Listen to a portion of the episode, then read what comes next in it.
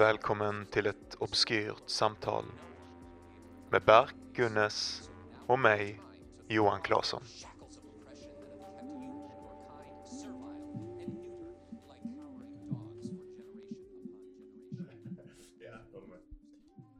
Eh, ja, hej. Välkommen till ett obskyrt samtal. Välkommen, välkommen. Eh, idag pratar vi om två saker Mest kärlek. och lite om fascism. Kolla här nu. Jag ska, bara, jag ska göra ett försvarstal för mig nu, för jag vet inte hur det här kommer across. Det är alltid så när man hör sig själv på podcast så är man en helt annan människa Ja. än vad man upplever att man är inifrån när man Ja. säger saker. Det är det obehagligaste med att spela in sig själv. Eh, det, det handlar om att jag tycker att fascistisk estetik är lite fett, lite nice. Jag vill vara skittydlig, jag tror jag är tydlig med det i programmet också. Inte min grej, gillar inte fascism. Tycker det är lite fett att gå med sådana ridstövlar och bara trampa högt alltså. Kolla! Ja, ja, jag vet. Vi vet, vi vet.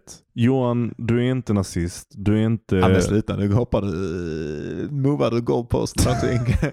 jag sa fascist mannen. Ja. Förlåt, förlåt, förlåt. Ja, ni hör, ni hör, det börjar redan. Um, njut av avsnittet. Sen Dela- blev det en fin diskussion om kärlek. Precis, ja, som blir ja, jävligt innerlig. Exakt, exakt. Ja. Och jag tror i kombination med den här fascistöppningen så tror jag det kommer bli jävligt spännande. Det är en liten fusion. Men, eh, men som sagt, ehm, hoppas ni tycker om det. Dela gärna om ni, om ni gillar det klassiska. Sociala medier, obskyrt samtal på Facebook, Precis. obskyrt samtal på Precis. Instagram. Följ oss överallt. Puss Exakt. puss. Och, me- och mejla monster, tack. Ja.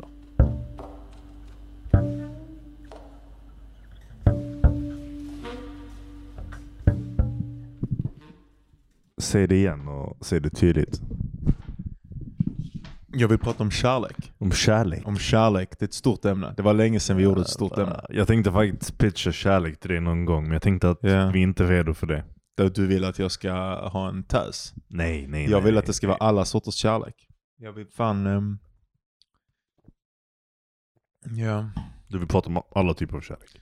Ja, jag, vill bara, jag tycker om när vi bara slänger ut ordet och ser var vi hamnar liksom.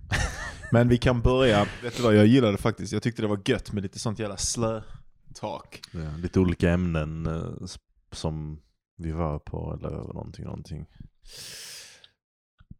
Nej, jag tänkte um, jag käkar rödkorv.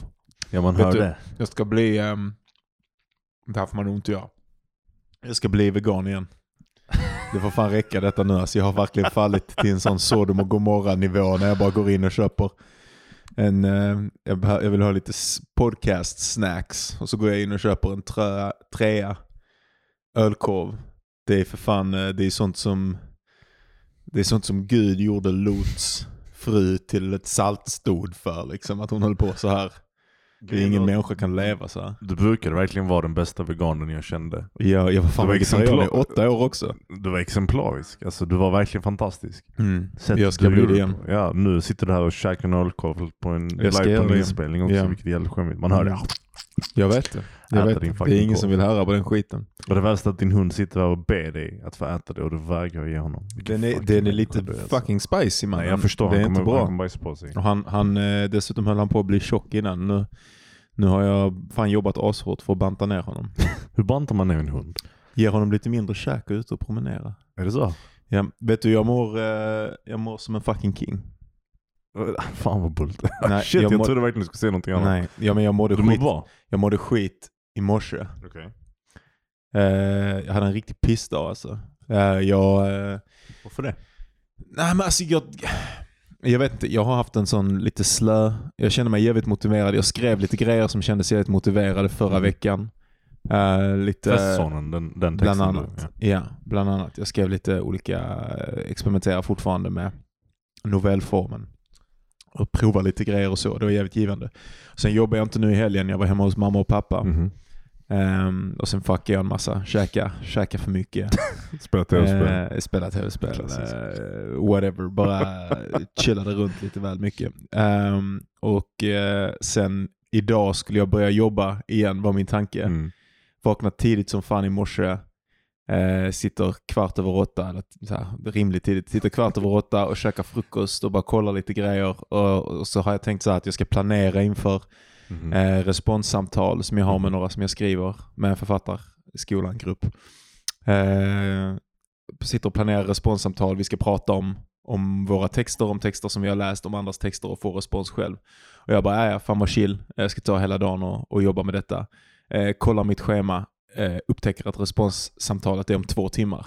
Oj. Ja, eh, blev skitarg för jag har haft riktigt många sådana grejer Arg? på sistone. Ja, på mig själv. Ah, okej. Eh, jag har haft riktigt många sådana grejer på sistone, du vet, där man... ehm, där jag bara fucking glömmer. Ja, jag fattar. Eh, eller alltså jag, jag, jag har tittat på någonting och är helt övertygad typ om att jag ska få pengar eller att Ja. eh, vid det här datumet eller jag ska, något ska lämnas in vid det här datumet. Och det har hänt, alltså det har hänt så jävla många gånger. Det har Ja. gått från, jag kanske alltid har varit lite virrig, men nu på sistone så har det verkligen varit sådär att, att bara sak efter sak efter sak bara faller ner i knät Ja, på ja, mig. Och jag bara, men hur? Alltså jag är ju för fan, jag är ju vaksam på det här hela tiden precis. och ändå så bara tänker jag fel varenda jävla vecka på allting. Och jag Men fa- vad innebär det? Var du tvungen att läsa typ 20 texter på två nej, timmar eller var, någonting? nej, nej, det var bara, alltså jag hade läst dem tidigare men jag, var- jag hade inte förberett eh, min respons i Mm. text så jag var liksom bara tvungen att ta de här två timmarna samtidigt som jag då skulle åka med farsan, för jag hade sovit hos mamma och pappa ju. Jag skulle åka med farsan till, eh, till Malmö, så in med Bells i pappas bil, Mm. sitta där med, med texterna på mobilen och ett block i, på ena knät och bara försöka skriva ut och bara så här, få fram lite jävla smarta grejer. För det är ju också, alltså med en skoluppgift kan man ju fucka runder lite grann, Ja. men när det är andra människor Ja, jag förstår vad du menar. Man har Eh, lite mer ansvar. man har liksom lite ansvar, de har ju för fan ansträngt sig och blottlagt sig liksom, genom att låta mig, varit sårbara genom att låta mig läsa Ja, en ja. ofärdig text av deras. Um, och sen att inte, att inte lägga in liksom sin, hela sin ansträngning känns ju jävligt bult. Ja. Liksom. Så jag var skitarg på mig själv. Eh, och sen så var det då, det tog två timmar av väldigt hetsigt arbete och sen hade jag två timmar av så här responssamtal och du vet det är zoom och lite nervigt. Blev trött som fan av det. Och sen så bara blev det att jag eh, att jag satt och, eh, och jag drack typ fem folköl kanske. Jag hade folköl i kylen. Jag drack typ fem folköl, bara satt och höll på med skit, var asdeppig. Alltså, bara, alltså, mådde, alltså jag, blev, jag blev så fucking deppig. Jag vet inte om jag blev trött av detta. Och, så, och sen så bara kände jag att jag hade börjat veckan fel. Uh, att jag inte skulle klara av att skriva de grejerna som jag ville skriva idag. Du Ja. vet, jag blev nästan deppig för något som inte har hänt Ja. än. Alltså jag visste att det inte skulle gå. Eh, och så bara blev jag besviken på mig själv, besviken på att jag hade fuckat min mat, besviken på att jag inte kan hålla reda på datum. Liksom så här, bara överväldigad av en känsla av att jag är en fucking loser. Liksom. Men nu mår du bra. Ja, och sen vid, vid, vid tretiden så hade jag ju bestämt med, med tjejen som jag träffar att, eh, Mhm. att eh, vi skulle kallbada. Mhm. Nakenbadar ni då eller? Nakenbada. Det var sånt queerbad på Malmö kallbadhus. Fett.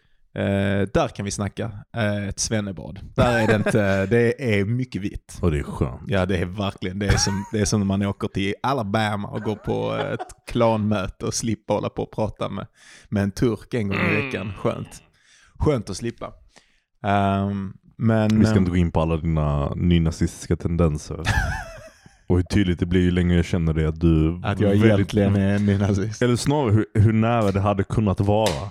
Oh ja. Ett, oh ja. ett felsteg så hade du liksom heilat på någon, i någon liten svensk ort någonstans till hård musik.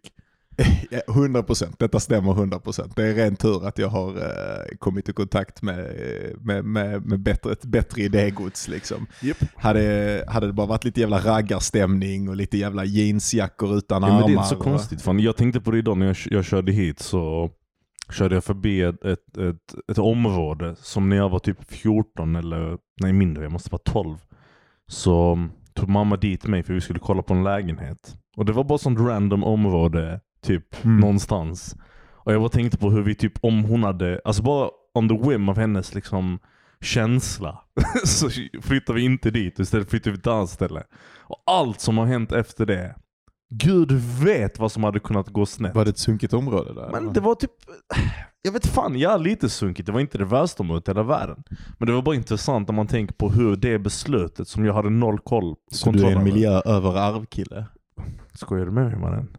Vilket, jag vet inte. Jag är 100% miljö över arvkille. Det existerar inte fucking nå, nå, något arv i min, i min världsbild. Jag, Okej. jag, köper inte det alls. Nej jag bara skojar. Men jag tror att, det är klart att ens, en del av ens personlighet hade varit ungefär likadana kanske men men eh, vem du träffar, vilka idéer du introduceras till, vem du blir influerad av, alla de här sakerna kan ju sluta hur fucking slumpmässigt som helst. Ja, ja. Och det är ju skitbullt att tänka sig själv om man ska ha barn en dag. Jag är så vänta, har jag ansvar för att den här fucking ungen inte ska hamna i någon nynazistisk liten hemlig grupp eller jag vet inte, gå och råna folk för att jag bara bestämde mig för att flytta mig till punkt A istället för punkt B. Mm. Hör du mig? Ja. Men jag tänker att det inte är... ehm,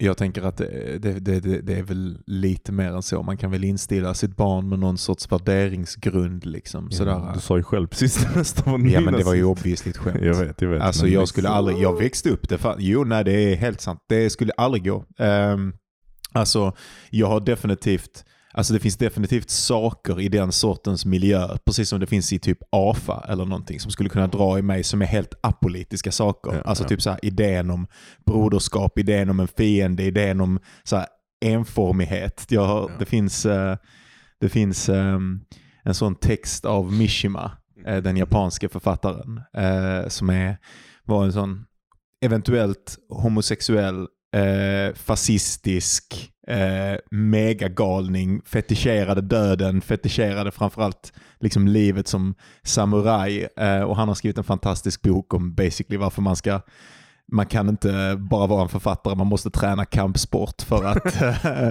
för att, eh, att vara en författare är typ att skriva sig ur verkligheten och att hålla på med kampsport det är att, att tränga sig in i verkligheten och verkligheten är döden. Så du hör ju, det är precis ja. min eh, precis min sorts vibe. Och där finns det en sån scen ehm, där han Eh, det, den är autobiografisk och så har han gått med i det militära. Det Mm. gjorde han när han var äldre. Han höll inte på med det när han var yngre utan han fick gå med efter att han var en känd författare. Typ som ett dragplåster Okej. för det japanska militära liksom. Och han var super... Skriva propaganda liksom. Nej nej, han var med i det militära liksom. Alltså han var typ som en, eh, bara en... Han älskade det militära, Ja, det var hans ja. dröm. Han var liksom jätte, jätte... Eh, alltså gam, han, han var ju japansk författare under slutet, eller under andra världskriget Mhm. bland annat. Så när Japans kejsare avsade sig ehm, ehm, Makten. Nej, han avsade sig sin gudomlighet. Mhm, Det var ju en del utav fredsavtalet med USA Mhm. Efter andra världskrigets slut. Så blev Mishima galen därför att för honom var det skitviktigt att Japan var det här. Alltså han är en klassisk fascist liksom. Den här estetiska idén om en gudomlig kvalitet i det egna folket och i den egna nationen. Liksom. Eh, och jag, och, och det, jag, jag, alltså så som, som Mishima positionerar fascism eh, eh, fattar jag exakt. Alltså det, det är fortfarande inte min, jag tror jag är lite för snäll och lite för ogalen för det, men jag har ju det i mig. Ja. Att bara så, yeah! Och där finns en scen där han, där han beskriver hur, hur han är ute och springer eh, när, de, när han tränar med andra unga soldater Mhm. och hur de sakta börjar andas som att de har en lunga. Och han bara märker hur hans identitet liksom bara lossnar och han bara får lov att inte vara en individ. Och att författaren är någon som hela tiden typ fängslar in sig själv genom sina ord i sin egen individualitet. Och den som tränar i grupp gör motsatsen, raderar sig själv i det enda andetaget. Liksom, bara karrar tillsammans. Den delen Ja. utav, typ så här, och det- jag tänker att det är exakt det som typ nazister Ja, bidrar jag, med till sina följare. För det var det jag tänkte säga, att den beskrivningen av den här, eh, den här lungan liksom, som andas tillsammans. eh, Det har jag ju hört när folk har beskrivit så här Hitlers tal. För att komma tillbaka till Hitler på något vänster, men när folk har stått och lyssnat på honom, hur det blev typ som att alla i det här trånga utrymmet bara så förenades och blev någon sån här varelse av na- nationalsocialistisk politik typ som bara reagerade tillsammans på den ord den idioten sa. Och ja okej, jag menar, men det är en sak att förstå hur det händer. Men du menar Mm. att, bortsett då från fascismdelen av det, du menar att du kan liksom på något sätt relatera till känslan av att gilla det?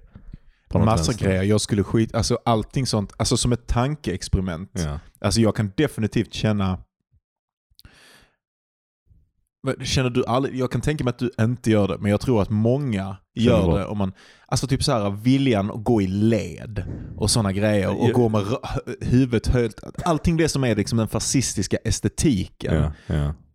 Det finns ju, det, för mig finns det en lockelse i det, i fantasin i alla fall. Jag Ja, jag kanske förstår, inte skulle vilja leva i det på riktigt, men i, men i estetiken. Det är liksom romare Ja, som ja. går in inför, inför eh, sin, eh, sin kejsare liksom, som står och bara hälsar dem så här. Det är klart att det finns, det, alltså det finns ju en anledning att, Ja, att men- nazister och fascister alltid har använt Ja, ja, den estetiken. jag Och det är tror- för att en viss sorts man i alla fall, och kanske en viss sorts människa, kanske vissa kvinnor också, tilltalas utav det här, alltså det är på något sätt en odödlig estetik. Det är ju, det, det är ju, det är ju en, ett huvud... Du låter lite för glad just nu. Ja men, ja, men jag, jag, är, jag är för att jag har kallbadat så jag är lite så här lyrisk.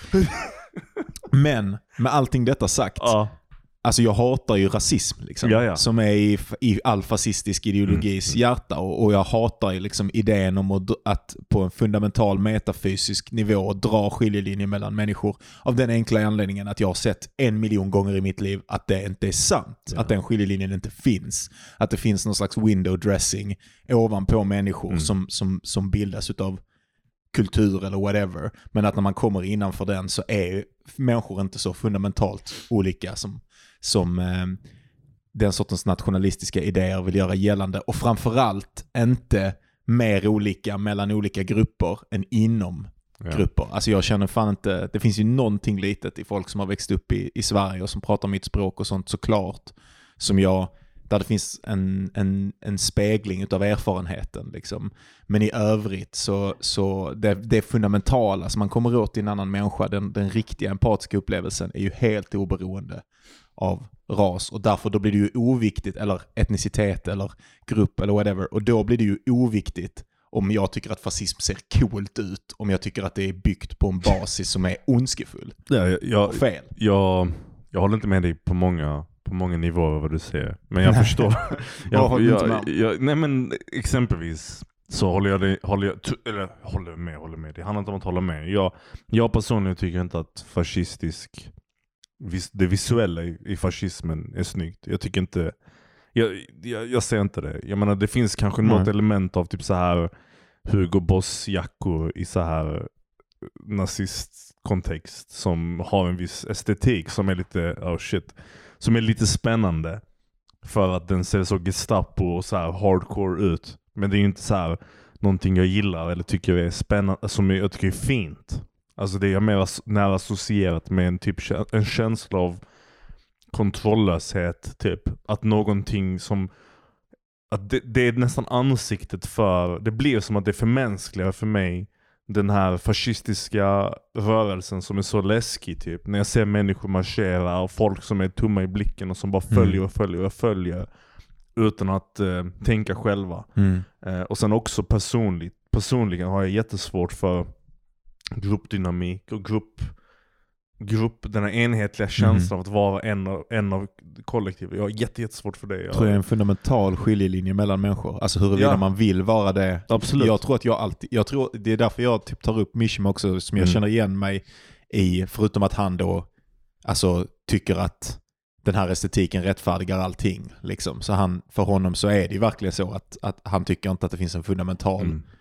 Mänsklighet och han är också djupt sexistisk och, sexistisk och sådär. Så att eh, med honom så väljer han ju estetiken i slutändan, Ja. vilket jag inte skulle göra. Men i mig har alltid den här drömmen funnits att utraderas och få lov att vara en del av ett kollektiv och att min han, han beskriver också, det, och det, jag pratade med honom om detta häromdagen, det är helt fantastiskt. Han skriver om ehm, att för honom, för, för människor i regel så Mhm. kommer kroppen, det vill säga upplevelsen av kroppen, sensationerna, Mhm. lokalisering i rymd, före orden. Mhm. Men för honom kom alltid orden först. Och jag insåg att det stämmer för mig. För mig kommer alltid ord och koncept före upplevelse. Eh, att, att jag tänker mig in i världen. Jag Så tänker vadå? mig in i mitt handlande. Är det därför du vill hitta till kroppen? För Att jag, liksom... Och då är det ett främmandegörande. Ja. Så i, i det här att andas tillsammans, att gå i grupp, att vara en del av till exempel manlig eh, manligt umgänge eller whatever. Ja. För det är, ofta, det är ofta kodat, det är ofta sammantvinnat med någon form av manlighet. Det är också inbyggt i fascism. Liksom. ja. Väldigt starka könsroller och sådär. Eh, och, eh, och då finns det väl, det finns ju någonting i mig som älskar det och som vill vara alltså verkligen en del av det som du då säger att du hatar på en intuitiv nivå. Och det är ju bara viktigt då att jag är medveten om det. Mm. Och att man är medveten om det när man känner att någonting börjar rilas upp. Ja. För jag är absolut en sån person som om jag inte skulle haft en stark värdegrund Ja.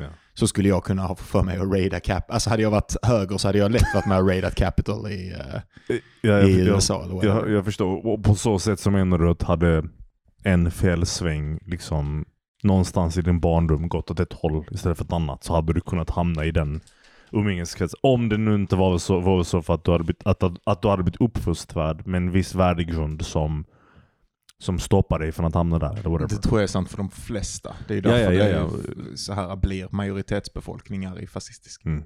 länder. Det är ju inte bara nazismen, det finns ju fascistiska eh, alltså fascistisk islam och fascistisk allting. Liksom. Det finns ju fascism i Jag snackar inte om fascism nödvändigtvis Utan nu, utan bara idén av att ett, bara för att knyta tillbaka till det här vi pratade om från början, att ett fel ett felsteg någonstans i ditt förflutna kan ha, hade, hade kunnat sätta dig i en, på väg mot en bana som hade fått dig att se ut som någon helt, som en, den nuvarande Jon ser ut som en total främling. Liksom.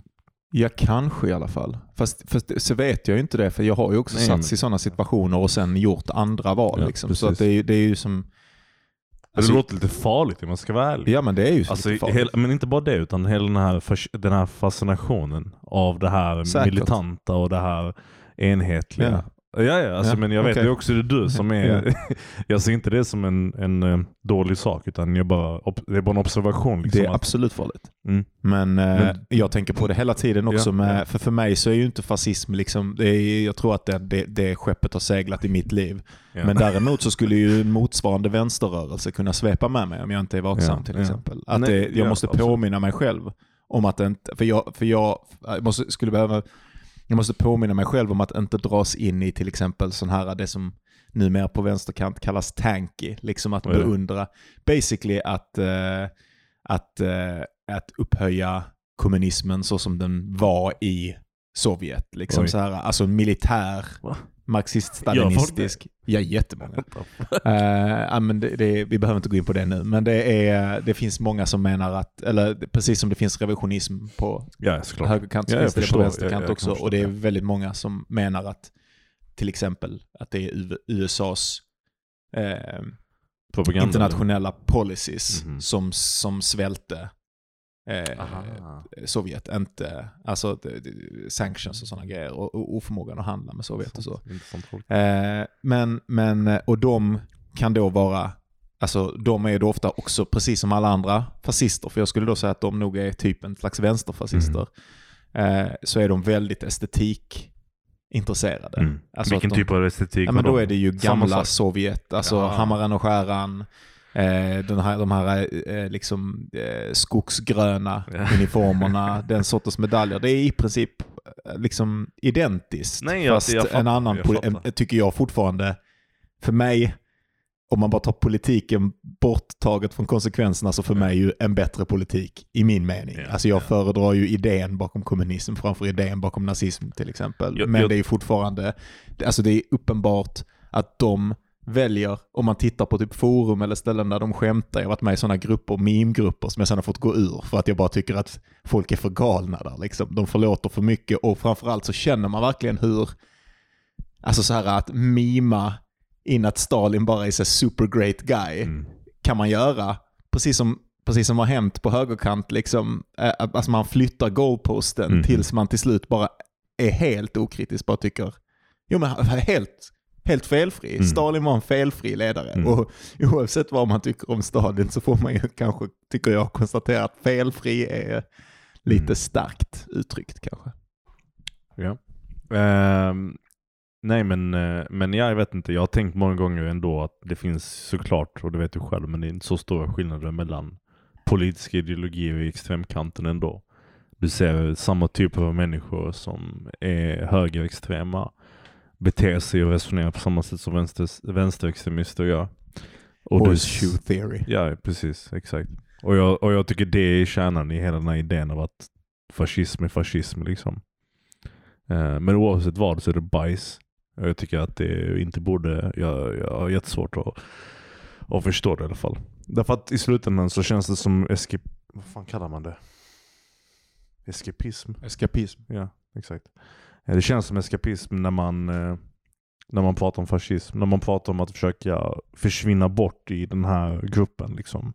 Den enhetliga kollektiva organismen som arbetar tillsammans. Både kommunisten och fascisten. Mhm. Och som vill liksom eh, styras av makter över sig själva. Det känns som att man vill komma bort från det som är individen. Jag vet inte varför man skulle vilja det. Jag tycker det är läskigt. Dock jag tycker att eh, den typen av, av eh, du har ändå pratat tidigare på något sätt, till exempel med, när du mediterar och sådana saker om hur egodöd exempelvis kan vara en Mhm. väldigt spännande grej. Att kunna, att kunna Ja, men jag tycker att det- är en det- lögn. jag ty- äh, Okej, men Ja, vänta. På fundamental nivå liksom. Jag förstår vad du säger, men det är skillnad på att tycka att individen är en lögn och tycka att kollektivet är någonting som man kan eftersträva. 100%, Typ, förstår du? absolut. Det kollektivet är lika mycket en organism och ett ego som individen. Och därför är det bara att byta ut ett mot något annat. Liksom. Och vill man döda egot och döda de här sakerna så vill man ju bli av med gränser. Vill man ju bli av med, med, med konturen av vad är det nu för form man hamnar i. Och då, då hjälper det inte att vara i grupp och marschera liksom upp på en gata av någon ideologisk anledning. Vi ska vara jättetydliga här med att jag inte argumenterar för den sortens jag politik vet eller ens för den sortens handling. Alltså Jag jag, jag, jag säger bara att för mig på en estetisk nivå Ja, så fattar jag lockelsen. ja, ja. Alltså, jag fattar varför det fungerar i men, min egen Men jag kropp, tror vi är liksom. överens om att det är det vi pratar om. Och jag pratar också om egentligen, även om jag smyger in lite antifasci- antifascistiska saker här, men att jag, jag inte tycker om den estetiken. För att den är så nära associerad egentligen i slutändan med den typen av förkroppsligad Jesus Christ. För, förkroppsligad fascism. Det är ansiktet. Den här estetiken är onekligen ansiktet av förtryck. Och jag kan inte komma bort från det. Nej. Då löste vi det. Och nu om kärlek. För det är det vi skulle prata om. Ska vi... eh, Det, det, det, fan vilken, vilken eh, grej det blev. Ska vi ta en eh, snabb paus? Ja.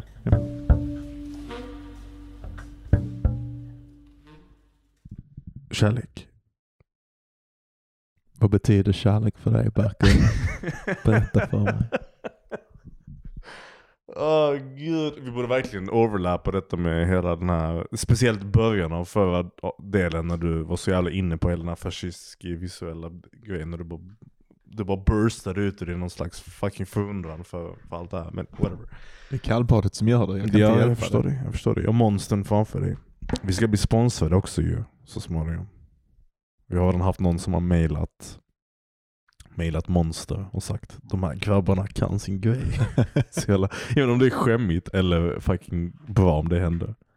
Vi har ju inte mailat dem själva än, vi måste göra det. Alltså kolla här nu, vi kan inte skoja. Alltså jag hade tagit ett monster-sponsorship på en sekund. Alltså. Ja, ja, vad snackar du om? Klart. Alltså monster har mer och mer blivit kärnan av vem jag är som person. Alltså, vi gör ett helt avsnitt om monster. Ja. det är inga problem. Vi har, så, vi har typ så här massa monsterflaskor, vi kan recensera det, vi kan prata om det, vi kan rebranda till och med. Alltså själva bilden på podcast-albumarten. Trycka in lite monster i bakgrunden. Vi heter bara monstersamtal. Ja, grymt. Det var det. Men ja, vad betyder kärlek för mig? Fan alltså, vad, vad bra fråga. Den är svår. Kärlek, eh, ja, alltså, hmm. vad fan, jag vet, vad fan ska man svara? Det, det här har vi snackat om innan, du slänger den på mitt ansikte. Kan man svara på den frågan ens? Det var för att jag ville släppa in dig i samtalet. Ja just det, just Ja. det. Där han. Där kommer han med sitt luftsäktande. Um, kärlek. Vet fan, jag tänker på min flickvän. Såklart. Och jag tänk, Romantisk kärlek. ja, det är min första tanke. Ja. Mm. Definitivt. Romantisk kärlek. Jag tänker på min nuvarande flickvän. Jag tänker på första kärleken någonsin. När Mhm. man var liten. Tänker du då att kärlek är typ avgränsat? Alltså typ så här, för du, du, första kärleken, då är vi återigen inne på romantiska Ja. liksom, eh, liaisons och att man har haft olika kärlekar. Liksom, så här. Är kärlek någonting som avgränsas i tid? Så menar du liksom att min upplevelse av kärlek skulle vara det här är första kärleken, det här är andra kärleken, det här är tredje kärleken. Precis. På det sättet. Alltså på ett sätt absolut ja. Därför jag tror att varje person man har älskat har man älskat på ett annat sätt. Och det är självklart för att man är ju en annan människa och det är en annan person. Och omständigheterna kring den kärleken är annorlunda. Jag hade, jag hade, när jag var yngre hade jag sagt att kärlek är kumulativt. Mhm. Typ att varje gång du blir kär så är det mer. Och det kan det vara. Ja, Men jag har nog... den tanken gillar jag. Ja. Men samtidigt som det är så, så tror jag att man, man, man tenderar att tänka så för man glömmer.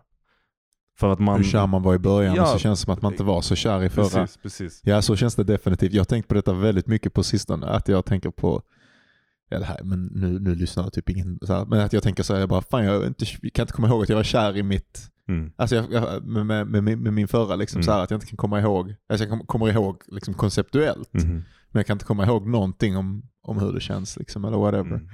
Mm. Eh, och sen så, om jag då börjar ha lite känslor nu i någonting som jag är nu liksom, Mhm. så, eh, så eh, känns det väldigt speciellt och levande och liksom befriande. Men Ja, det är nog ja. precis som du säger, att, det, att, att, att eh, man, man glömmer. Liksom, man glömmer hur kär man är. Ja. Eller hur kär man var i personer, eller hur det känns att vara kär på det sättet. Vad tänker du på när, när man säger kärlek då? Ja, alltså det finns ju olika sorters. Jag har väl kommit att se romantisk kärlek mindre och mindre som kärlek. Liksom.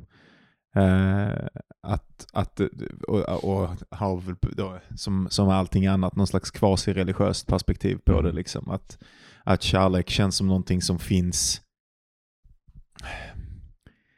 det, det- det känns nästan som, som, som någonting som finns på ett väldigt riktigt sätt som väldigt få andra grejer gör alltså, och, och som är, är gränslöst. Men som man ibland kan tappa in i, typ som skönhet. Mm.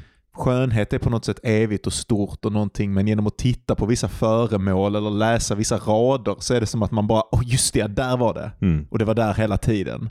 Och så fungerar nästan människor lite grann i kärlek. Mhm. Att det, det är som att kärleken är evig och sublim och oföränderlig Mm. och stor över tid. Men att man liksom i tidiga skeenden, speciellt i, det är det lättaste sättet. Alltså man kommer åt det med sina familjemedlemmar och så på ett sätt. Ja. Men man kommer åt den på något sätt den hetaste, mest vansinniga formen Ja. i Romantisk kärlek. i romantisk kärleks tidiga skeenden. Och sen kan man också i längre, nu har inte jag haft några jättelånga förhållanden, jag har haft fyra år. Mm.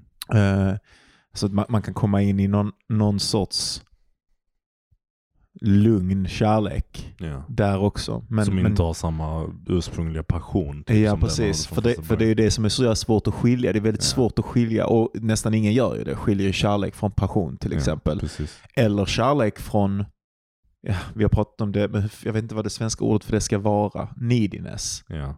Alltså sådana här, när man, när jag kom, du vet när man var kär, hade inte du någon sån tjej, alltså innan du lärde dig att liksom prata med tjejer eller så, som du, du bara tyckte att men jag älskar henne på ett fint sätt och hon kan inte fatta att jag älskar henne på ett sätt som ingen annan kan göra eller någonting sånt. Har jag sagt det? Nej. Eller tänker du, eller antar du? Eller, eller men, för att Ja. jag komma ihåg om jag har berättat Ja, någonting som kan Nej, om det. du har inte, utan, men jag tänker att det är en vanlig upplevelse. Alltså jag hade en... Första personen jag någonsin var kär i på riktigt var jag så äckligt kär i att jag kunde inte föreställa mig en större kärlek då, absolut. Men jag hade nog inga tankar om att hon inte förstod det. Utan snarare var min tanke att jag inte förtjänade henne. Mm.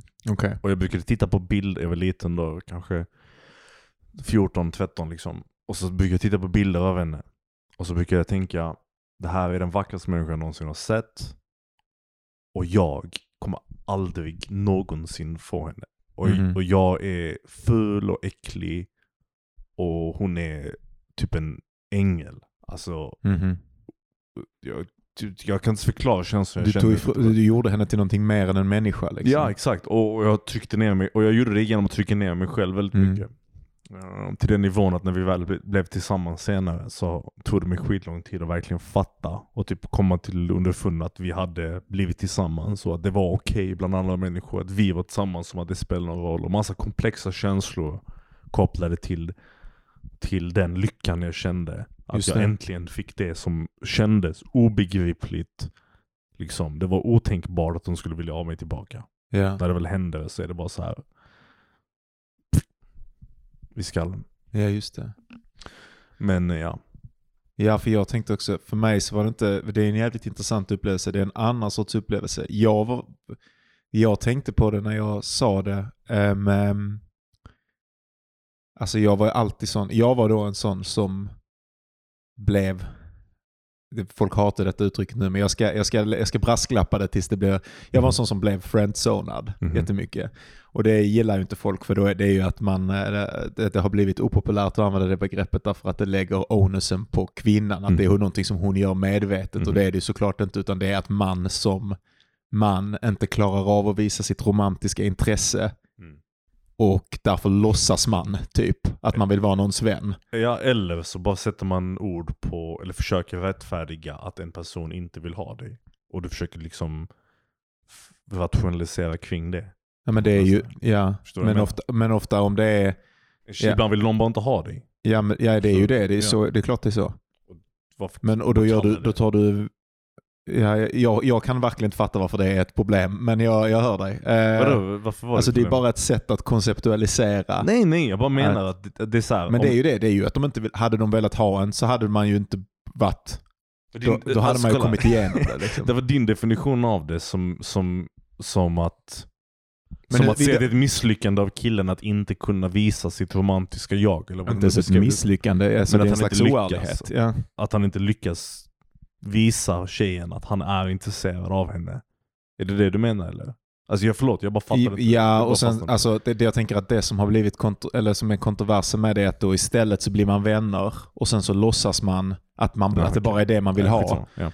Och, eh, och eh, såklart är det inbyggt i allting detta Ja. att, att tjejen är oattraherad utav killen. Annars så skulle det ju kanske eventuellt vara någonting mer än situationstecken friendzone. Det bygger Ja. ju på att tjejen är, är ointresserad. Men själva friend-delen utav begreppet kommer ju in att då försöker killen istället weasla sig in jag och låtsas ja. vara en kompis bara Mm. och hoppas att det här ska en dag Okej. Ändras och vi ska ligga. Ja. Jag, jag, jag hade en annan bild av friendzone, men jag förstår vad du säger. Och Så, så tänker, så Ja, tänker jag på det. okej. Och jag gjorde så när jag var ung. Liksom. Okej. Och då tänkte jag ju ofta på att jag var kär Ja.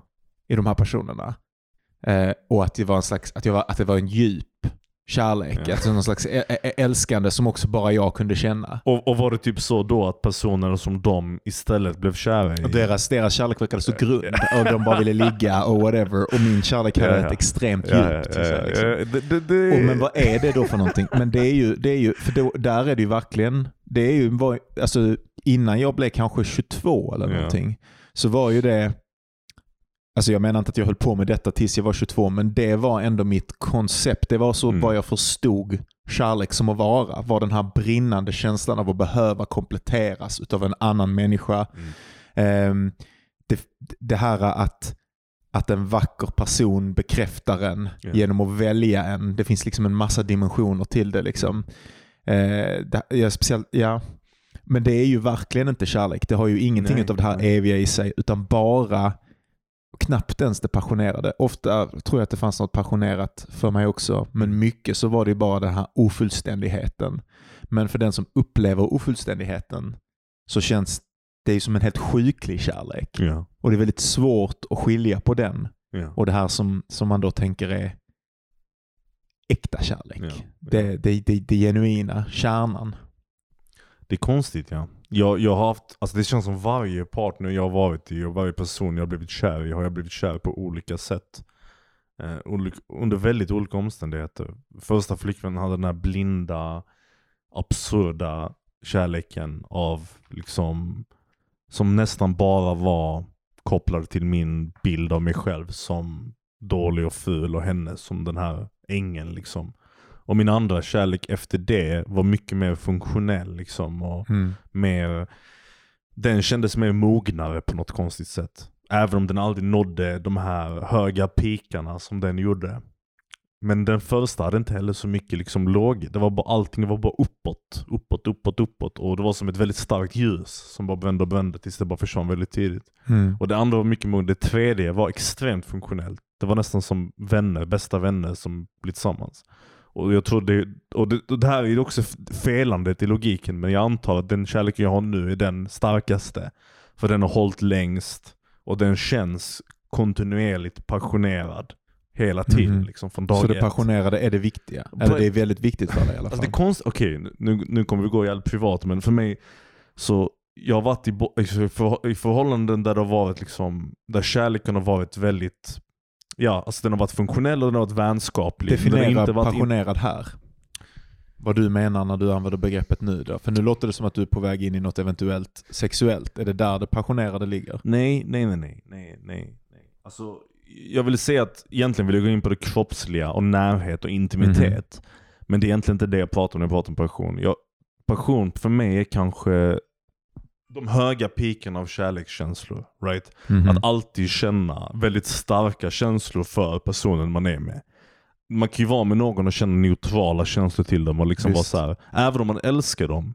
Du vet, Absolut. ta som din... Inte, Sin familj, sin ja, exakt, familj exakt, exakt. Speciellt om man har varit där ett par dagar. Så Ja. man åker hem till morsan och farsan och Exakt. så är man tredje dagen man är där. Man Ja. bara, jag tycker fortfarande om er men jag kan vara i ett annat rum alltså.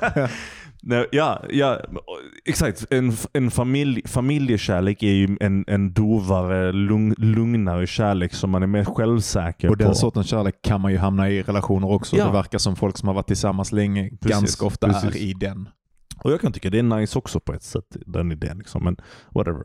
Ehm, ja, men att, att passion då blir att du är på pikan av, dem, av den kärlekskänslan hela tiden, så ofta du bara Mm. kan. Och det känns som att allting du gör är lite ehm, målat av din partner på något vänster. Och det kan både vara på gott och ont liksom. Men det är alltid högt uppe, så att säga.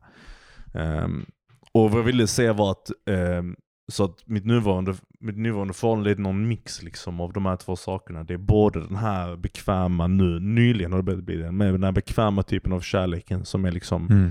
ehm, eh, långsam och, själv, och man är säker på den. Men också liksom sprinklat med den här eh, extrema höjden hela tiden, vilket jag gillar mycket. Och sen så är den också intim liksom, och den är, man är nära, man, man Mm. myser tillsammans. Vi, jag, jag och min flickvän sover exempelvis i en mini liten säng.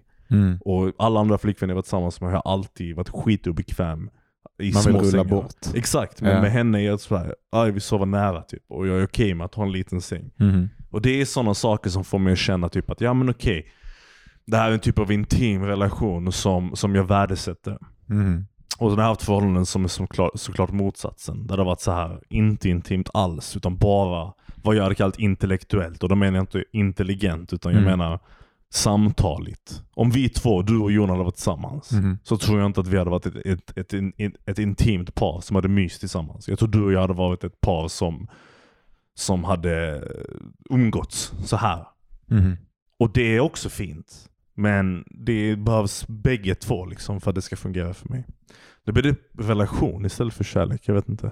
Nej men det känns, ehm, alltså det är ju på något sätt, om vi tänker på kärleken, som jag tänker på den i alla fall, som, som, s- som någonting som likt skönhet alltid finns som Mm. ett slags begrepp, som en slags, nästan som en bakgrund till Mm. universum. Va? Alltså man, man, det är nästan som att allting annat lidande och skit är i vägen för kärlek. Mm. Att kärlek, när det väl blöder fram så är det som att ja, men det här var dess, det, det, är, det här är det som är rätt. Ja. Det är universums rätta frekvens. Ja. Liksom. Det är därför folk söker kärlek. Ja. Liksom. Det är därför, och då framförallt den romantiska kärleken, men också antar jag kärleken till barn och Mm. eh, kärleken till familjemedlemmar och sådär. att det, det, det, Den har ju någon slags tidslöshetskaraktär och då tänker jag i en relation, vad en relation är, ehm, det är ett slags sätt att systematisera tillvaron tillsammans med en annan människa, Ja. eller ja, om vi säger en relation, en annan människa.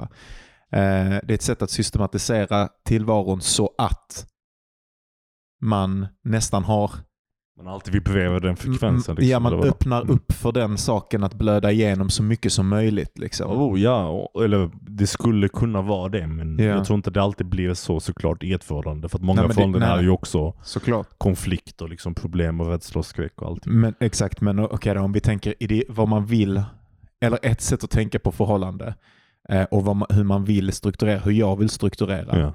mina förhållanden är ju så att man känner att i varje förhållande så är det så lite som möjligt som är i vägen. För att, ja. För att bara, för så känner jag ju också med, liksom med mina polare eller när jag träffar dig eller så att det, det är liksom inte, när, när relationerna är dåliga det är när man börjar känna att det kommer in massa maktspel Mm. eller hävda sig eller eh, man vill imponera på varandra eller vad det nu än kan vara. Och vissa sådana relationer har jag ju men då försöker man ju på olika sätt angripa det. Ja.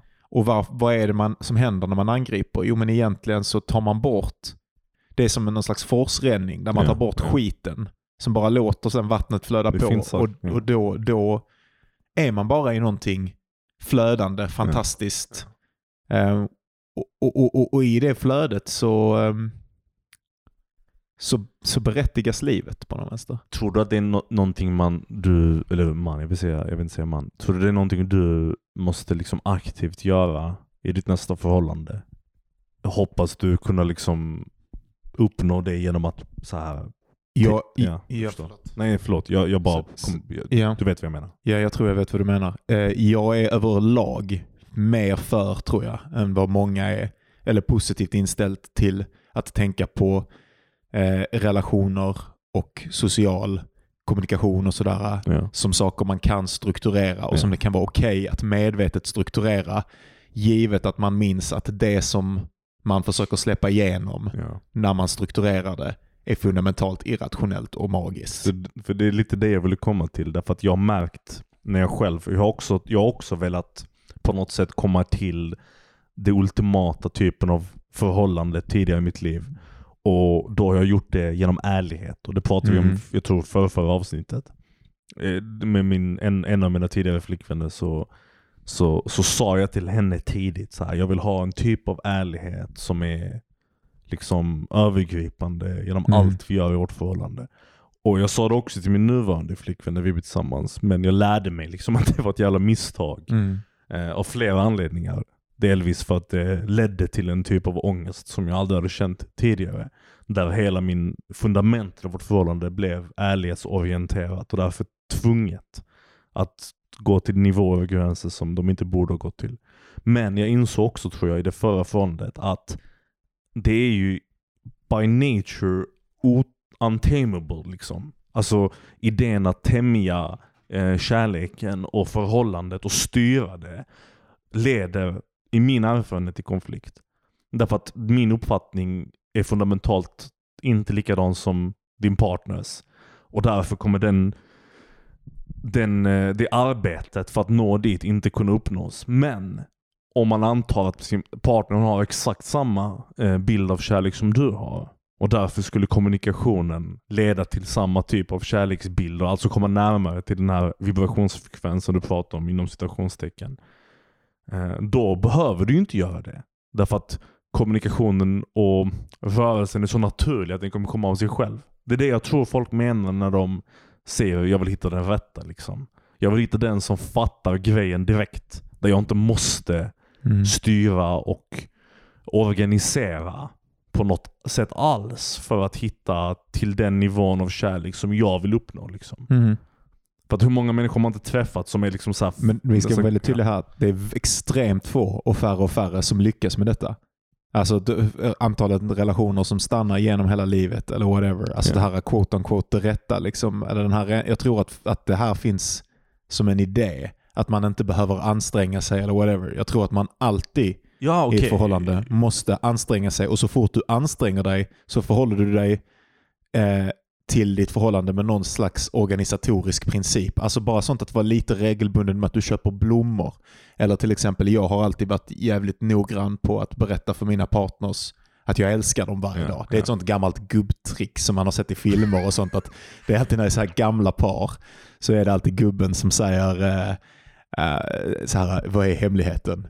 Ja. Jag sa till henne att jag älskar henne, att hon var vacker varenda dag. Och så har jag bara plockat upp på det någon gång jag bara, jag använder det i mitt liv. Jag tycker det är skitnice. Kolla, okej då. Jag, jag menar inte att, förlåt jag ska vara tydlig då. Det är klart att det finns ett element av um, maintenance i alla relationer. I allt du gör Ja. i livet så måste du maintaina det. Du kan ju inte bara släppa loss helt och bara liksom vara dig själv till den yttersta nivån. Du kommer eh, eliminera din partner. Men jag menar att det finns en skillnad på att göra det och göra den typen av super liksom, specifik kontroll. Där exempelvis som jag gjorde när jag sa till min partner. Jag bara, jag vill ha den här typen av Jaha, ärlighet ja. för att jag tror att den kommer leda till det här. Jag hade ingen om vad jag snackade om och det ledde bara till problem. Så den typen av kontroll snackar jag om. Okej. Men maintaina det. Att, att säga till sin partner, att försöka vara den människan som man vill eh, vara i förhållandet. Det, det är självklart. Att säga till sin partner att man älskar dem. Mer, kanske oftare än man naturligt känner att man vill säga det. Jag tycker också Mm. det är en sak man ska göra. Att säga positiva saker till sin partner. Att, att fixa hemma när den perso- personen, du vet, whatever. All, alla de här små sakerna som kanske inte faller naturligt. Att man bara gör det ändå. Liksom. Mm. Och det är också någonting, ehm, det är väl som relationer, jag inbillar mig att det är ehm, någonting som, jag strävar i alla fall alltid att bli bättre på det. Alltså jag tänker på det som ett skillset väldigt mycket. Och, men då ska vi säga det här igen då, för att det, det är det här som är det viktiga. Det viktiga är ju att skillsetet rör inte att manipulera den andra eller någonting till att Nej, känna att det är mer kärlek. Utan skillsetet rör är, är, är, det, är, det är som en slags städning utav de här hindren. Ja. Man, man lär sig på olika sätt. Till exempel genom att regelbundet ehm, till exempel genom god kommunikation, till exempel genom att vara frikostig med sina komplimanger, ehm, till exempel genom att förstå sin partners kropp bättre liksom, Mm. eh, och få det sexuella att fungera bättre, vilket är en annan form av kommunikation. Liksom. Ehm, Ja, fuck. Genom att lära sig laga mat bra så man kan bjuda på en god... Alltså så här, det finns en tusen grejer såklart. som, som, som, eh, som öppnar de här jävla dörrarna mellan subjekt som är det som man vill öppna så att kärlek kan flöda fritt. Men också för att liksom, det finns ju någonting som är jävligt nära typ med um, förhållandet och vänskapliga relationer exempelvis. Exempel Jag, jag tänker på hur du och jag är vänner. Och jag Mhm. tror att vi, du och jag, det finns inget tvivel i min kropp att du och jag inte kan vara vänner hela livet. Alltså jag tänker inte, jag och Johan kommer vara kompisar i några år och sen kommer jag hitta en ny kompis kanske. Som man kanske kan tänka sig med ett förhållande. För att Mhm. man är van att förhållanden pikar och sen kanske de, de tar slut eller ändras till en nivå där personer var och så byter man och hittar någon ny partner och så vidare. Men med en kompis så känner jag, ja men en vän jag har hittat och jag är bekväm med. Förutsatt att det inte finns några konstiga maktrelationer eller andra saker som kommer emellan själva relationen. Så kan det maintainas hela livet utan speciell ansträngning. Jag känner inte att jag måste jag vet inte, säga att du är vacker eller någonting Men för att du du- och jag ska maintaina vår vänskap. Jag hör dig men jag tror inte att det här är, stämmer riktigt. Okej. Det är mycket lättare, det är bara det att relationer dör långsamt eftersom man inte har det här relationskontraktet Ja. som man har eh, i ett förhållande. Ja. Där uppbrottet är liksom att man river kontraktet. Ja. Liksom. Men med vänner, hur många vänner, du, du kanske är duktigare än de flesta på att hålla ihop med gamla vänner och sådär, men hur många vänner förlorar man inte hela tiden? Folk Ja, flyttar bort och det är liksom på något Okej, sätt omöjligt okej. att ta kontakt igen och försöker man så, så får man liksom så här Ja, hej vad kul att du hör av dig, jada, jada. och sen så eh, aldrig en motansträngning. Men det är ju skillnad på, på den typen av vänskap och den typen av vänskap som är liksom Alltså som jag hade kallat så här Djup, djup. djup. liksom. Exakt. Där det är så här, okej men vissa vänner har man en förståelse och en, och en kärlek för. Att man inte, jag är inte rädd i alla fall för att den ska brinna ut. Och även Ja. om den gör så antar jag att den gör det av bra anledningar. Och min poäng lite här. Men så kan det vara i ett förhållande också. Liksom. Det, det kan vara, ja absolut. Men det är vill säga lite precis, precis på samma sätt som man kanske kan hitta en partner som get it. Som fattar Ja. grejen med min bild av kärlek och den personens bild av kärlek är, är likadan. Och därför behöver vi inte maintaina mycket av den. Utan den kommer bara liksom flödas av sig själv. By the virtue of att vi är liknande människor och har samma typ av värdegrund när det gäller kärlek. Så tror jag att vänskap kan fungera på samma sätt. Och som bevis på att man inte behöver maintaina sin eh, romantiska relation mer än man behöver maintaina sin vänskapsrelation. Så tror jag att Mhm. det finns någonting man, kan- man, man kan se likheten i de två sakerna. Om man hittar en partner som är som har samma typ av förståelse kring kärlek som du och jag har kring vår världsuppfattning exempelvis. Mhm. Eller whatever. Vår konstnärliga, våra konstnär, konstnär, konstnärliga ambitioner är liksom vår vårt klister. Och typ, liksom. typ även när vi inte, jag tänker, det, det här är nog, stämmer nog med som jag tycker i de relationer som jag har haft som har varit bra också och som jag tänker finns i våran relation. Det är typ att en vilja, eller ett, man behöver inte vara lika i typ det ytliga eller vad man ska Ja. säga, intressena, men, men, men man kan förstå den andra personen på deras villkor utifrån att de organiserar verkligheten på ett sätt som, Ja. som man känner igen sig i. För i vissa människor känner man inte igen sig i alls, eller väldigt lite. ja. Liksom. Alltså fundamentalt, att de är människor kan man känna igen sig i och vissa aspekter, men de beter sig på, på sätt som är liksom, oj, deras inre liv måste se Mm, helt mm. annorlunda ut än mitt.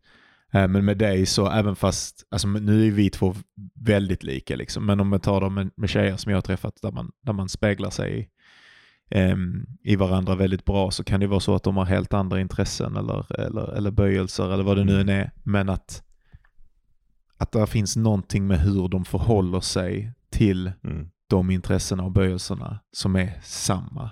Ja, ja. Och det, det är inte så konstigt. Du har helt rätt. Därför att tänk på de gångerna när du liksom har känt att du har bandat som mest med en person som du kanske är attraherad av. Det är kanske när ni ser någonting som är kul, som ni skrattar åt på exakt samma sätt. Trots att ni inte kan förklara med ord vad det är som är Mm. roligt. En sån enkel sak som att fatta det eller läsa en, ett stycke från en text och bara säga det jag här, tänk- det jag här tänker att detta du. är de väldigt bara, ja. kopplat till eh, varför den ärligheten som du beskrev med ditt ex inte fungerar också. Därför att det finns, det finns en riktigare ärlighet som är viktigare för den här rena kärleken och den kan, den kan nästan finnas i bara en blick eller någonting Ja. eller i ett väldigt fåtal ord liksom, Ja. som bara indikerar, som är väldigt långt bort från den här informationsbaserade ärligheten. Som det blir om man bara ska berätta alla sina tankar och grejer Precis, hela tiden. precis. Du har helt rätt. Jag tror det, det är mycket sant.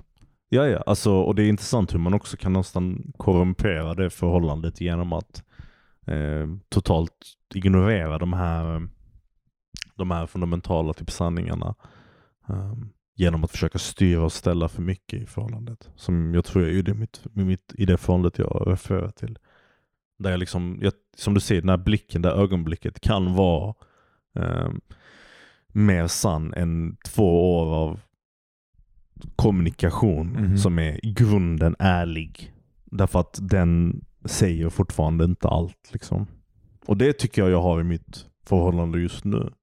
Eh, där hon lärde mig liksom att du behöver inte säga allt till mig. Eh, jag litar på dig liksom. Mm. Och det är skitskönt att höra. Det är mer ärligt Ja, absolut. än, än att jag ska behöva diktera varje tanke jag har Mm. till henne för att jag ska känna att jag är ärlig. Och det är också därför att på något sätt så är tankarnas den, den, du är ju inte de tankarnas material. Ja. Men däremot, nu blir det riktigt flumsnack här, men jag vet inte hur man säger detta utan att flumma. Alltså jag menar detta som någonting faktiskt fysiskt. Det var det att orden jag kommer använda för att beskriva det är typ en modell som, Sure. som baserar sig på flummigt språk. Liksom. Men det är ju att ni har kommit i frekvens med varandras vibrationer på något Mm, sätt. mm. Alltså det är ju verkligen det att du är ju inte materialet. Alltså du är ju inte dina tankar eller någonting, men du är ju det här som vibrerar. Du är Ja. ju det här som hon känner igen sig. Du är ju det här Ja. som tittar över och har en liten glimt i ögat. Du är ju det här som, Ja.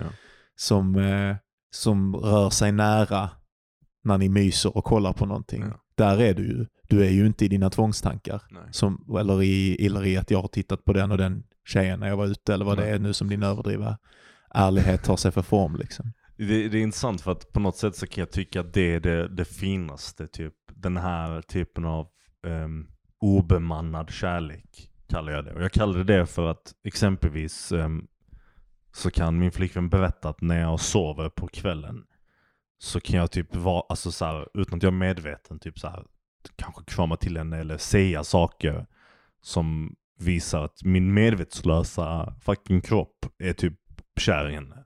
Fattar du? Mm. Inte bara mitt intellekt. Mhm.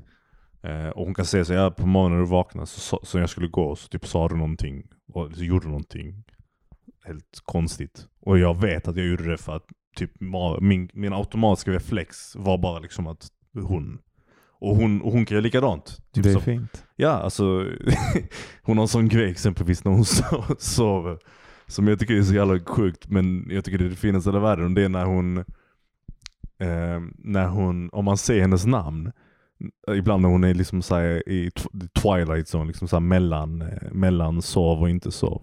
Så kan hon le på exakt samma sätt som, eh, som jag har sett på så här barndomsvideor av henne. Och det enda gången hon ler som det barnet är då. Och jag tycker det är skitfint. Det känns som att man ser igenom liksom hela den här vuxna fasaden till man ser bara en liten, liten flicka typ. Mm. tycker jag är fint. Vad hände? Du, du, du verkar... Du försvann lite där i blicken. Inte? Nej. Okej. Ja, du ser ut som att du började tänka på, på- någonting. Ja okej, vad undrar du då? När jag föreställde mig typ eh, vad du sa. Jaha. Vi tar en paus. Ja.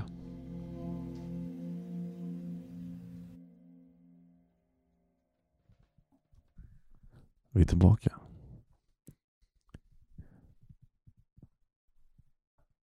Fan. Hur ska man förstå uh, kärlek som har falnat då? Vi var inne på det tidigare. Ska man förstå det som att det var kärlek överhuvudtaget? Hur ska man överhuvudtaget förhålla sig? Och det är på något sätt lättare att göra det med gamla vänner. Va? Alltså man kan på något sätt eh, se det tydligt. Mm. Alltså så här att ja, men vi en gång i tiden förstod vi varandra. Mm. En gång i tiden var vi på samma frekvens och där fanns en djup kärlek där som liksom vi kom i kontakt med det här bortomliggande, fantastiska, djupa som, som, som och fick lov att spendera ett Mm. par år i våran barndom tillsammans. Och sen så har de här strukturerna som är ovanpå denna rena kärleken, Mm. de här bilderna, våra liv, våra yrken, våra livsval, våra kläder, vad det nu än kan vara, har gått i så olika riktningar att vi inte längre kan vara sändare som tar emot det här tillsammans. Men vi hade det i alla fall då. Ja. Men, Ibland tror jag det är så enkelt med Ja. vanlig vänskap. Ja. Absolut. ja, men med, ehm, med gamla relationer som vi har sagt någon gång förut så finns ju tendensen, ja, kanske att man efter mycket lång tid tänker tillbaka på det som en, en ingång i kärleken igen. Jag Men det finns alltid en vilja hos människor att misstro att kärleken någonsin fanns där. Ja. Jag, jag, tror, jag, tror du, jag tror du har rätt. Förlåt, förlåt fortsätt. Jag, jag, När det kom in. Därför att, um, därför att jag, ja, jag tror det ligger där lite eh, tid. Ehm, jag tror att det är väldigt tydligt för mig att många gånger i kort tid efter man gjort slut med sin partner eller ens partner gjort slut med en eller förhållandet och runnit ut i sanden eller whatever som händer så Mm. har, finns det en typ av, av stark romantisering av det förflutna. Man Mm. saknar sin före detta partner, man saknar kärleken. Eller man väldigt motsatsen. Absolut, absolut. Men, Alltså att man verkligen tar avstånd, att man helt nergör alla känslor. Ja, ja men det, det, det jag tror, jag tror det, jag hör vad du säger och jag tror det kommer efteråt. Därför att, eller så här, det, jag, jag kan inte säga det till någon generell grej som är sann för alla människor. Det är bara min upplevelse av hur det Ja. varit för mig. Jag, jag har ofta, det har ofta varit så att kort tid efter det slut, en liten period, så är det en stor romantisering av förhållandet. Och sen kommer för, förnekelsen Mhm. typ. Och det är det du beskriver som den här typen av total an, antithesis, an, Antites. antites, tack. Jag, vet inte, kan snacka. Antites till den här första kärlekskänslan där det är så här eh, partnern är bara, ah, men vi var aldrig, jag var aldrig kär i henne, eller jag kan inte fatta att jag var kär i henne, eller jag kan inte förstå hur jag kunde vara okej med de här sakerna i förhållandet. Jag kan inte fatta hur jag kunde sjunka så här lågt, jag kan inte fatta hur, och det kommer massa, massa, massa, massa, massa, massa, massa negativa känslor. Man, man trycker bort partnern väldigt mycket. Yeah. Eh, Och sen tror jag att efter en tid så börjar man komma till en mycket mer mognare förståelse av förhållandet. Inte den enda Mm. man minns nödvändigtvis känslorna. Men när man går okej, eh, fan jag var kanske lite för hård innan. Jag var kanske lite för, för negativ när det gällde de sakerna som jag, som jag och hon eller han eller whatever hade. Förstår du? ja, för det där har ju verkligen att göra med det organisatoriska. Ja. Det där har att göra med hur man betedde sig i förhållandet. Det, men, men, men tror du att man får syn på kärleken? Tror du att man i regel får syn på kärleken som någonting äck- Alltså så här, man kan säga att det här var de sakerna som, som gjorde att vi inte längre kom åt den tillsammans. Alltså att, eh, att ehm, jag var för hård eller jag gjorde den grejen. Det gjorde att vi inte kunde, men kärleken var ändå äkta. Jag tycker att jag ofta när jag pratar med folk, ganska många har en tendens att beskriva sina ex som på idioter och förlorare. Och da, da, da. Alltså som att de, det är bara den man är med nu som är den enda ingången till kärleken som någonsin har varit. De andra gångerna har det varit illusioner. Så känner inte jag alls. Inte jag heller. Nej. Och jag blir alltid så ledsen när jag upplever, och jag vet inte om var, varför jag blir så jävla ledsen. Jag vet inte om det är när andra människor beskriver gamla förhållanden så, om det är om jag är rädd att mina ex beskriver mig så Ja. Och att det gör något, jag vet inte varför det gör någonting, om jag har upplevt det som, som riktigt. Jag vet att en av de sakerna som jag blev mest ledsen över ehm, när det tog slut med mitt ex var när jag var, vi bodde tillsammans i Budapest och så var jag och hälsade på gemensamma vänner. Ja. Och då berättade en gemensam vän att hon hade pratat om mig dagen tidigare och sagt att jag var i princip en... Eh, hon sa, och den här kompisen som sa det nästan i förbifarten. Hon sa så. Ja, hon sa att du var i princip en perfekt pojkvän. Hon har aldrig ångrat att det, det tog slut, men hon har bla bla bla. Alltså så här. Alltså som att, att det, det hade varit en sån jävla självklarhet att, att eh, Alltså, det är klart hon inte behöver ångra och det är väl säkert ihopkopplat med mitt ego, men det är också som att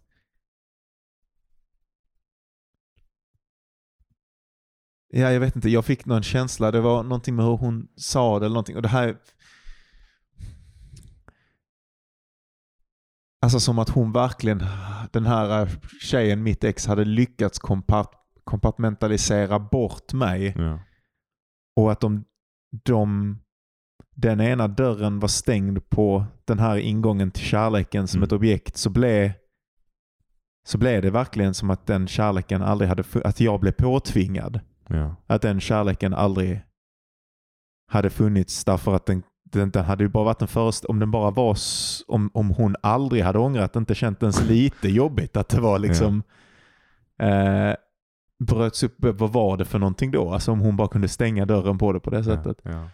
Ehm, och sen har jag väl kommit till någon slags mer nyanserad bild hoppas jag. Att, eh, att, ehm, att i alla fall i, i förhållande till det förhållandet att jag tänker att det inte spelar någon roll om hon känner att det inte betyder någonting för att det betyder någonting för mig och jag vet Ja. att, att vi liksom kommer åt det tror jag i ögonblick även fast inte jag heller riktigt kan känna det längre. Liksom.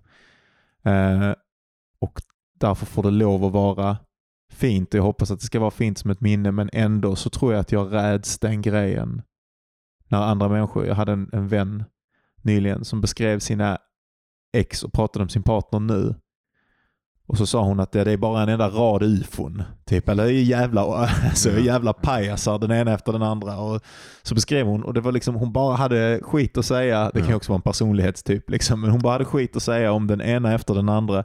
Jätterolig tjej, alltså jag skrattade skit. Det var Mm. liksom så här, så jag dömde inte henne, men samtidigt kände jag så att det fanns, och så sa hon så, ja men det är bara denna nu. Vad skönt att äntligen ha träffat någon som är liksom rationell. Och, men han kommer ju också bara bli en sån Exakt. om det, om det bryter upp, en, bara ännu en på högen, liksom, bara av skit. Inte av vackra Ja. minnen, inte av djupa möten, inte av någonting där man kom igenom någonting. Men det, det Eh, är inte, jätte... inte, inte av misslyckade Ja. försök på någonting evigt, men åtminstone försök. Ja. Utan bara skräp. Liksom. Det, det är jättebra sagt. Jag, grejen är att jag, jag, det på något sätt det, jag, jag har haft liksom fy, fem, fyra, hur många flickvänner? Jag har haft för många flickvänner helt enkelt. Men jag ångrar inte någon av dem. Därför att jag känner inte att det var typ en jakt efter den rätte eller något Mm. sånt. Där typ den ena bytte ut den andra tills jag skulle hitta den perfekta flickvännen eller något sånt bajs. Som jag vet vissa har. Du vet att, och Ja. därför jag tror det kan, det, kan, det kan hända att människor liksom eh, blir tillsammans med människor som de kanske egentligen inte har jag vet inte, jag, jag tror det känns nästan ibland som att vissa människor bara hoppar in eller väljer förhållanden på, jag vill inte säga en ytlig nivå, eh, för att det känns förminskande. Men ändå faktiskt på en ytlig nivå. Där det är så här, Mm. jag är typ in, jag är typ tillsammans med den här människan men jag typ gillar inte den personen så mycket. Mm. Eller så här, jag får den känslan ibland att vissa människor är typ tillsammans och de är bara så här, vi är bara ett par. Och det, är inte, det finns inte det fundamentala liksom.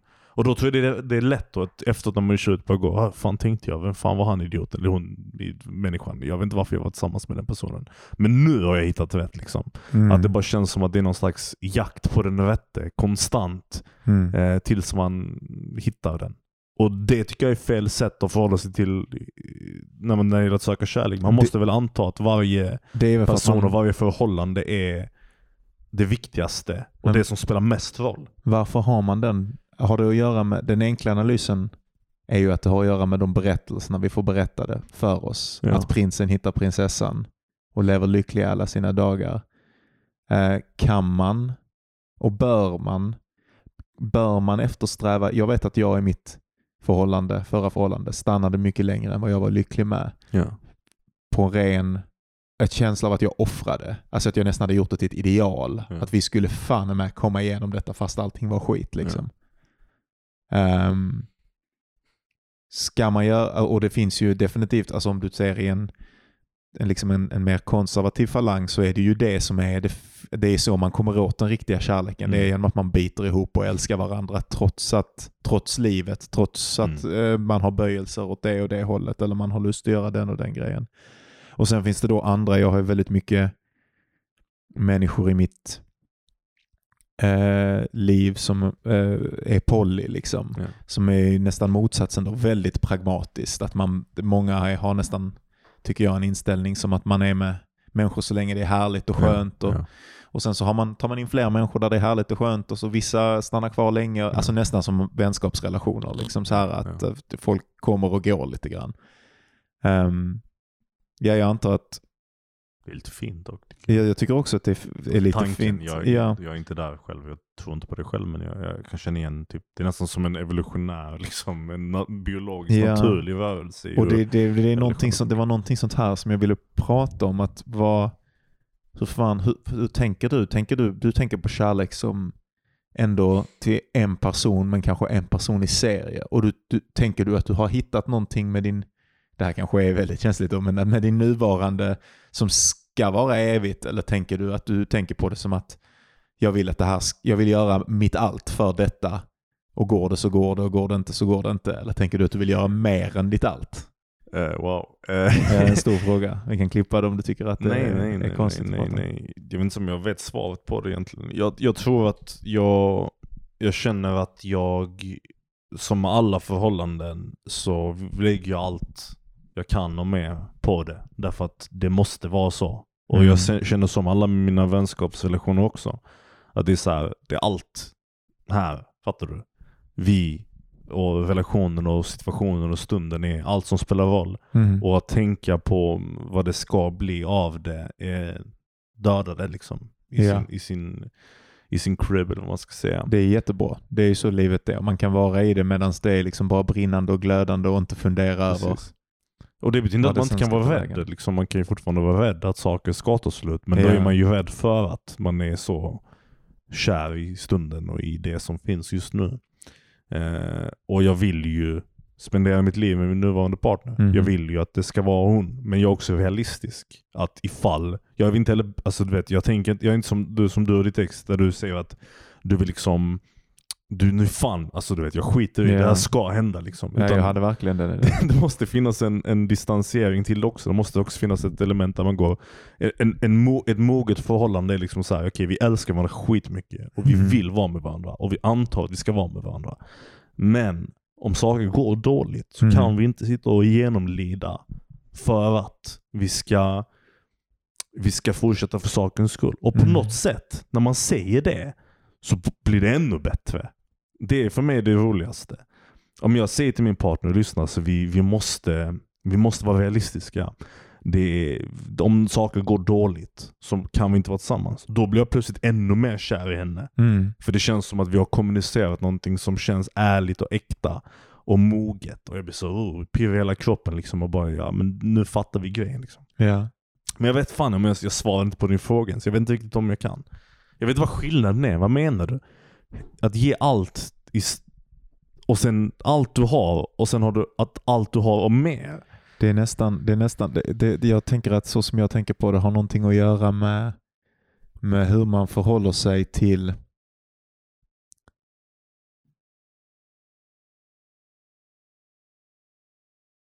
vad kärleks kärleksidealet och hur, huruvida man överhuvudtaget bör ha ett ideal. Jag antar att jag försöker just nu Mm.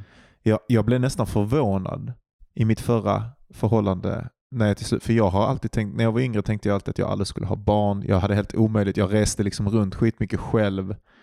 ehm, och bara hade en massa korta flings och, one night stands och sådär. Och så tänkte jag på det som rätt så gött. Alltså jag var rätt så uppfylld av att bara ha det så.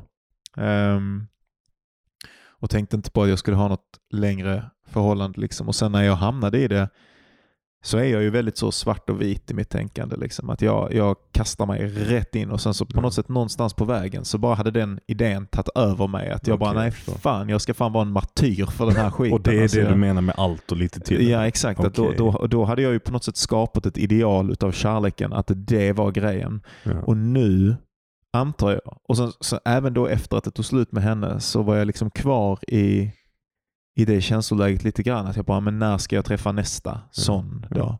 Och sen sakta, sakta har det börjat sjunka bort. Och så nu antar jag, just nu känner jag, och jag leker i alla fall med tanken med att själv liksom vara med i så här, liksom lite polykonstellationer ett tag och, och bara vara lite lösare och försöka ha en, en, en definition av kärlek som är mer organisk Ja. och se om det funkar för mig. Därför att, det var, därför att nu kan jag ju liksom tänka tillbaka på det här mitt förra förhållande som att jag var djupt, djupt olycklig och Ja. att en stor del av den olyckan hade egentligen ingenting att göra med henne utan att jag hade bestämt mig för nästan någonting som föll mig onaturligt. Ja. Någonting som jag absolut inte ville men som jag tvingade mig och ville i alla fall. Ja. Och det har ju någonting att göra med, att, med idén om kärlek Ja. istället för kärlek på riktigt. För det var ju verkligen nästan kärlekslöst mot slutet där. Liksom. Ja. Ehm, Fuck, det där, det där, det där, just det där kärlek på riktigt och det man antar vara kärlek, eller det man vill kärlek ska vara, ja. det är en riktig jävla fälla alltså.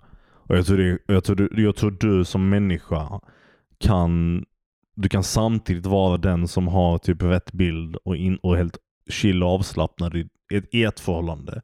Där du antar ingenting om vad det ska bli. Och i nästa så är du helt sjuk i huvudet. Som, jag vill inte säga att du var sjuk i huvudet men du har fel liksom. Du, du, inleder, du, inleder, du inleder förhållandet med den här berättelsen av kärlek och sen så bara är du laserfokuserad på att det ska bli det.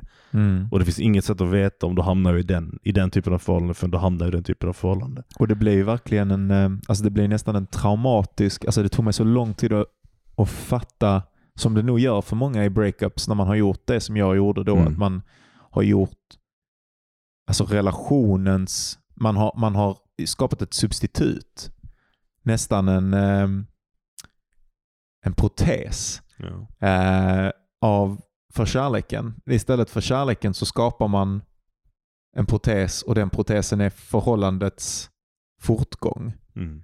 Eh, relationen till som, som bara pågår. Mm. Eh, och, och så försöker man gå på den. Eh, ja, precis. Genom att göra kärleken till någon slags objekt så gör man den också omöjlig. Och det är så jävla svårt för att hur man förhåller sig till kärlek har ju på ett väldigt djupt plan att göra med ens identitet. Mm. Det är någonting, fundam- alltså huruvida man är poly eller mono, huruvida man är serial monogamist eller man har få relationer. Jag vet, eh, jag vet inte om jag får, sånt här kanske man inte får gola ut, men jag tänker att det inte är så farligt. Eh, jag pratade med min syrra, jag blev skitchockad en gång. Eh, eh, eh jag älskar min syster eh, och jag pratade med henne och hennes make och de tar sån stolthet i att de har haft få partners. Och jag och mina kompisar har då inte haft så få partners liksom. Och, och så pratar hon bara, men det är helt, helt sjukt att ni har, alltså det betyder ju ingenting då för er att ligga med någon liksom så här och jag- vet inte ens vad det är, alltså då kan jag verkligen inte fatta dem, för jag kan inte fatta en konceptualisering av kärlek som, som bygger på att de har ju också bara slängt de här gamla människorna till Mm. sidan eller whatever. Vad menar de? Vad, vad, vad, vad har få, jag kan, det kan jag inte förstå Mm. annat än som en social norm. Liksom. Att, att det överhuvudtaget skulle, som att man har en begränsad mängd kärlek som man får lov att ge ut i livet. Och, och den kan man investera i ett fåtal personer och man har investerat bara i fåtal personer Mm. förr så har man väldigt mycket att ge till den som man är med nu. Mm. Kärlek är väl oändlig. Mm. Och så nu så försöker jag experimentera med olika grejer antar jag i mitt liv som låter ehm, ja, som, som, som bara tillåter att kärlek flödar okonstlat så mycket som Mm. möjligt. Liksom. Det, är väl det, det, är väl fan, det, är, det är väl det man kan göra. jag. Um, jag svär, jag har inget bra svar på den där, den där frågan om begränsad kärlek. Eller kärlek i, i, i ja, som du sa. Jag vet inte. Jag, jag, jag är själv ju inte en person som har haft många partners heller. Alltså jag har haft partners som är i relationer men inte så många liksom whatever man vill kalla det. Um, och för mig handlar det ju om, om att det är en fråga om eh, om kostnad. Och då menar jag så här att det tar ju tid för mig att känna mig bekväm med en person och vilja på riktigt vara med dem. Och jag har svårt att tänka mig att jag skulle kunna se förbi det och bara så här träffa typ hundra tjejer över flera år bara för att jag gillar själva akten eller någonting sånt. Mhm. Och det betyder inte att jag, jag inte fattar att andra människor inte har den begränsningen så att säga. Därför att jag tror, när jag exempel tänker på dig och hur du förhåller dig, eller har förhållit dig till, till partners i livet, så tänker jag, har jag aldrig tänkt på dig som att du har gjort det av ytliga anledningar eller som att du har gjort det enkelt. Det har alltid känts som att det har varit någonting där du har uppskattat mötet. Tror jag i alla fall. Och jag tänker, jag tänker att... eh, Och det är kanske det misstolkningen ligger i. Alltså folk Ja. tror att folk som ligger mycket inte uppskattar mötet, så att säga. Nu vill jag, jag vill inte, jag motsätter mig en definition av mig som folk som ligger mycket, så jävla mycket ligger jag inte. Men jag, men, men, Men mer än många. Men, men ehm, det som, eh, eller poängen är ju snarare då att med de som jag träffar eller de som man är med så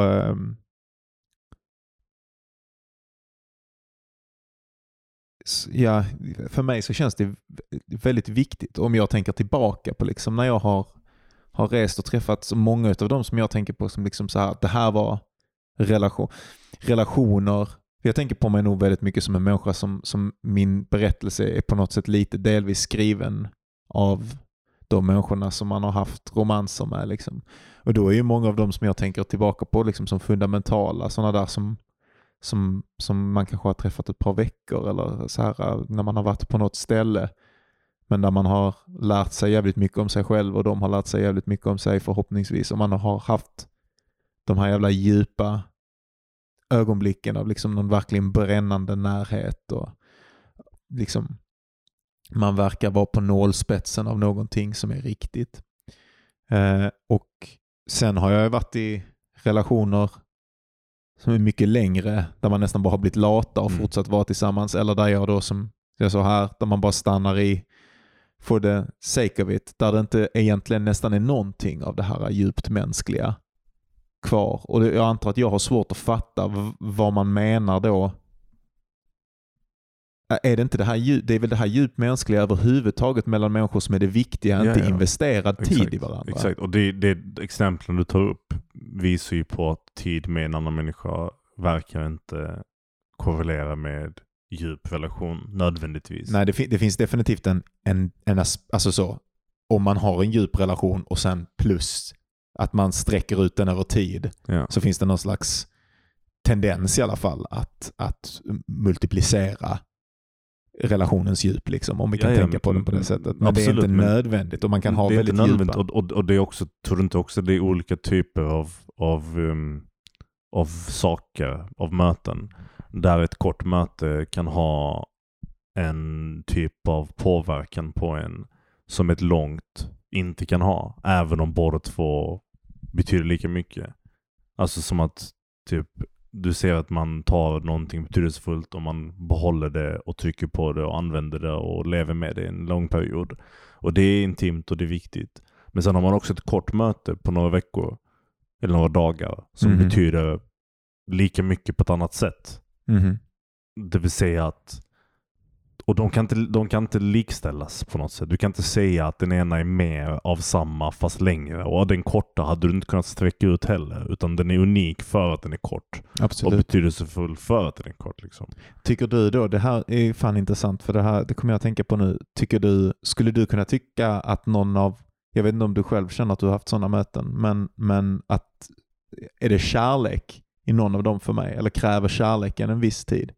Frågar du mig vad jag tycker om dina möten? Eller av möten av den typen som du beskriver att jag har haft eller som jag beskriver att jag har haft och som du sen reagerar på? Jag tror det beror helt på hur du ser på det. Mhm. Jag kan inte svara på det, men jag tror att det är en typ av kärlek. Ja. nu, för jag har innan förnekat det, men nu börjar jag känna att det mer och mer är så. Att jag verkligen kan känna djup kärlek till människor i korta skeenden.